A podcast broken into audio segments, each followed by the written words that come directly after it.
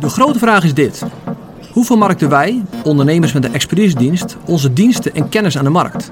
Om zo grote impact te hebben en ook nog eens winstgevend te zijn. Dat is de vraag. Deze podcast geeft het antwoord. Mijn naam is Dirk Teveling en welkom bij de Expertise Marketing Podcast.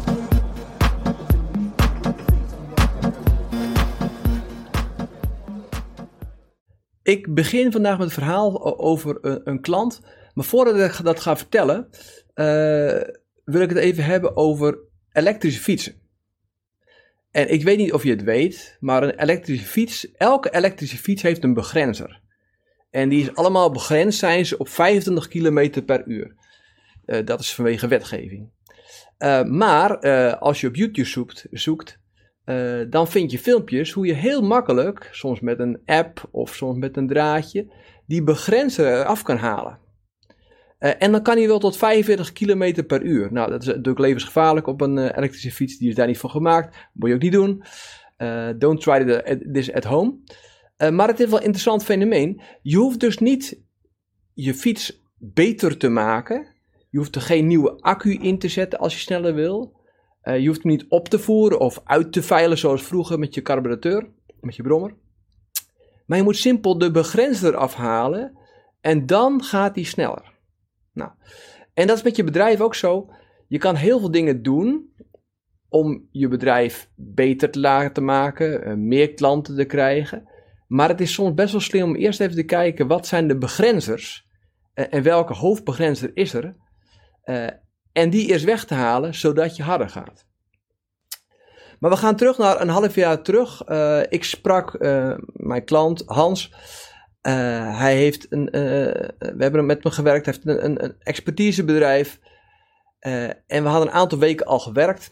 En we, hij zat bij ons kantoor. En we hadden een goede sessie, werksessie gehad samen.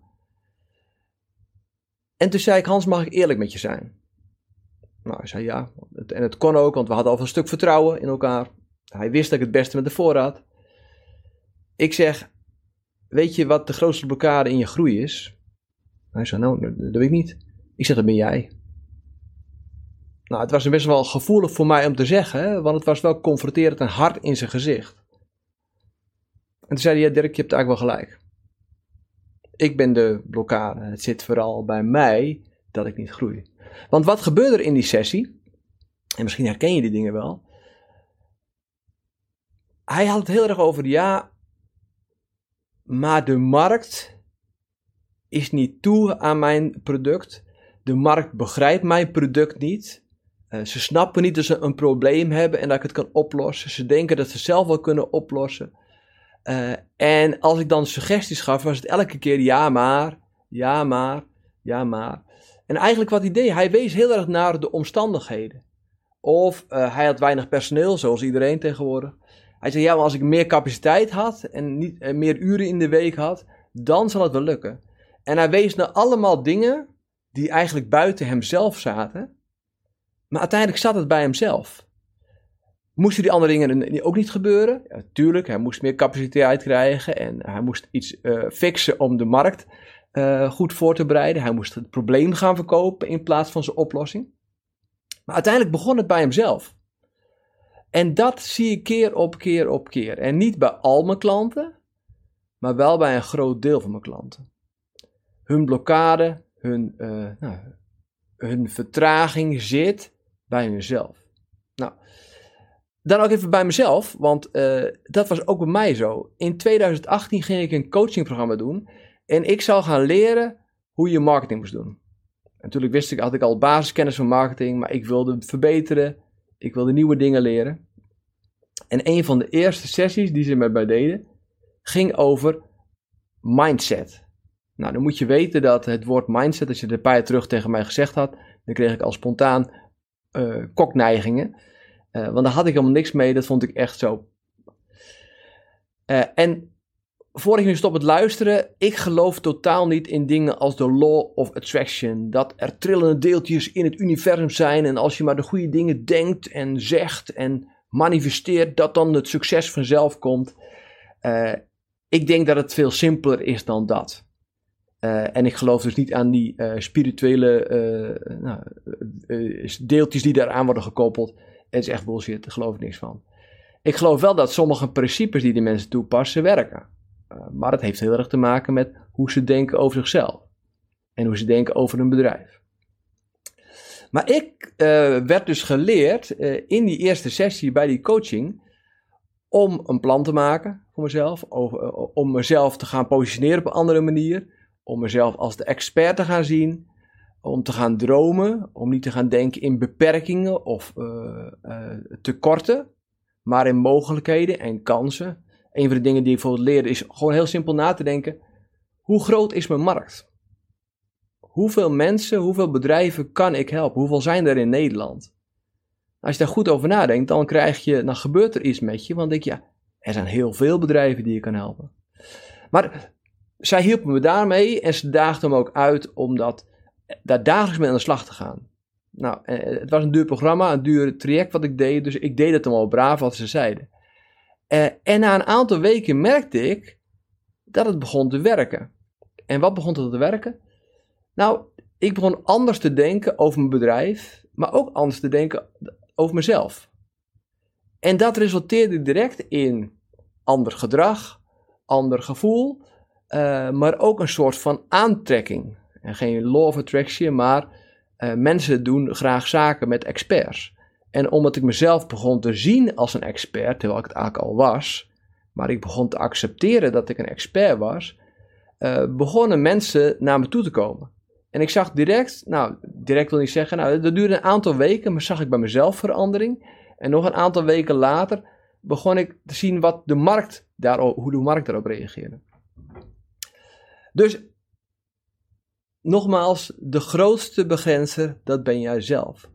Hoe jij denkt over jezelf, over je expertise, over je bedrijf, over de markt, over de kansen. En denk dan niet, ah, dat heb ik niet. We hebben het allemaal. Het is niet de vraag of we het hebben, maar in welke mate we het hebben. Want als wij de perfecte keuze zouden maken, keer op keer, uh, zal ons bedrijf heel snel groeien. En zal het heel snel succesvol worden. Uh, maar heel vaak uh, maken we keuzes op basis van soms angsten, of onmogelijkheden, of van aannames in ons hoofd. Het, het, probleem, en het is niet alleen voor een, een ZZP'er, maar het is ook voor een bedrijfseigenaar. Als bedrijfseigenaar, jij bent de leider van het bedrijf, jij bent ook meteen de begrenzer. Als jij nou, je, je, je, eigen bedrijf een 6 geeft, of een 6,5, dan zal je team dat ook doen. Als jij zegt, we zijn een 9, dan zal automatisch je team volgen. En als ik dan zeg, je bent een 9, heb ik het niet over uh, fake it till you make it maar gewoon heel eerlijk bekijken, analyseren, hoe goed ben ik? Nou, wat er namelijk gebeurt is dat in ons hoofd, we hebben allemaal ervaringen. Kijk, als je een jonge ondernemer van uh, 20, 20 jaar spreekt, die net gisteren gestart is, die is on fire, die heeft er zin in, die gaat ervoor, die traint groot, we gaan een marktleider worden, we gaan... Nou, dat ken je wel, die verhalen. En dan denk je vaak een beetje, ja, nou, dat moeten we allemaal maar zien. En dat is ook zo. Maar Waarom kan iemand zo denken? Hij heeft nog geen slechte ervaringen. Hij heeft nog niet ervaren dat het allemaal anders gaat dan hij misschien gedacht had. Alleen ben je een jaartje of tien jaar of twintig jaar onderweg, dan weet je dat niet alles ging zoals je gepland had. En dat noem ik het achteruitkijkspiegelsyndroom. Je kijkt in je achteruitkijkspiegel en je ziet alles wat daar al gebeurd is. Je ziet uh, nou, bijvoorbeeld laten we zeggen, dit jaar, uh, we zitten nu halverwege het jaar. Uh, je hebt misschien begin van het jaar plannen gemaakt en nu kijk je terug en denk je, ja, hmm, de omzet is niet zo hoog als ik gewild had. en ik heb ook nog die klant die afscheid heeft genomen. en het aannemen van twee mensen is ook niet gelukt. En zo kijk je terug en zie je alles wat niet gelukt is. En heel vaak zijn we als mensen geneigd om te kijken naar wat niet goed is. Uh, Alleen dat werkt niet. En ik had vroeger uh, rijles. Ik denk dat, je, dat, dat iedereen met de rijbewijs het gehad heeft. Ga ik vanuit. Maar ik leerde om in die achteruitkijkspiegel te kijken. Maar niet om de minuten in te staren. Het was even een blik. Zit er geen auto achter me? Uh, even een korte blik. En dan moest je weer vooruitkijken. Dus die achteruitkijkspiegel had zeker zijn nut, maar ik mocht er geen minuten in gaan staren en ik mocht niet kijken of mijn make-up goed zat. Dat, daar was het niet voor bedoeld. Ik moest naar voren kijken en af en toe in een flits even achteruit kijken. Dus ik ben voor achteruit kijken, uh, maar niet te lang. Kijk vooral vooruit. Het is namelijk zo, als je achteruit kijkt, kijk je naar de zogenaamde lag-indicatoren. De dingen die zijn geweest. Dat kan je niet meer aanpassen. Je kan zeggen, oké, we hebben maar eh, 40 leads gegenereerd. En we hebben maar 5 nieuwe klanten. Terwijl de doelen hoger waren. En dat is feit, punt. En ga dan verder, want dat kan je niet veranderen. De lead indicators, het tegenovergekeerde, tegenovergestelde. De lead indicatoren geven een indicatie, geen garantie, maar indicatie wat er gaat gebeuren. Dus dat zijn dingen als uh, hoeveel investeer ik in marketing? Qua euro's, qua advertentiebudget. Hoeveel leads gaan we genereren? Hoeveel uh, nou, contentontwikkeling? Uh, hoeveel gesprekken heb ik, heb ik staan? En wat doen we allemaal voor de toekomst? En dat zijn de lead-indicatoren. En die geven veel beter zicht op de toekomst. Geen garantie natuurlijk, want nou, je weet niet wat er morgen gebeurt. Maar als je constant het goede blijft doen, dan komen de resultaten vanzelf. En die zeg ik voor jullie nog een keer. Als je constant het goede blijft doen, komen de resultaten vanzelf. Dus je moet gaan bepalen, oké, wat zijn goede activiteiten om te groeien? En die ga je doen. Die ga je niet één dag doen, ook niet twee dagen, maar die ga je continu doen. En dan zal je zien, de resultaten volgen vanzelf. En kijk in een flits in die achteruitkijkspiegel, maar ga dan verder. En wat mij soms helpt, is heel simpel tegen mezelf te zeggen: Dit is de eerste dag van mijn bedrijf. De rest is allemaal al geweest, maar dit is de eerste dag van mijn bedrijf. En als ik het zo bekijk, denk ik: hey, er staat geld op de rekening, uh, ik heb een team, ik heb een expertise, uh, ik heb uh, potentiële klanten in de pijplijn. dan zie je de toekomst. Dus kijk niet te veel achteruit. Dat is de eerste tip. De tweede um, die ik met je aan je mee wil geven is de, wat, wat, wat ik noem de expertise-pyramide.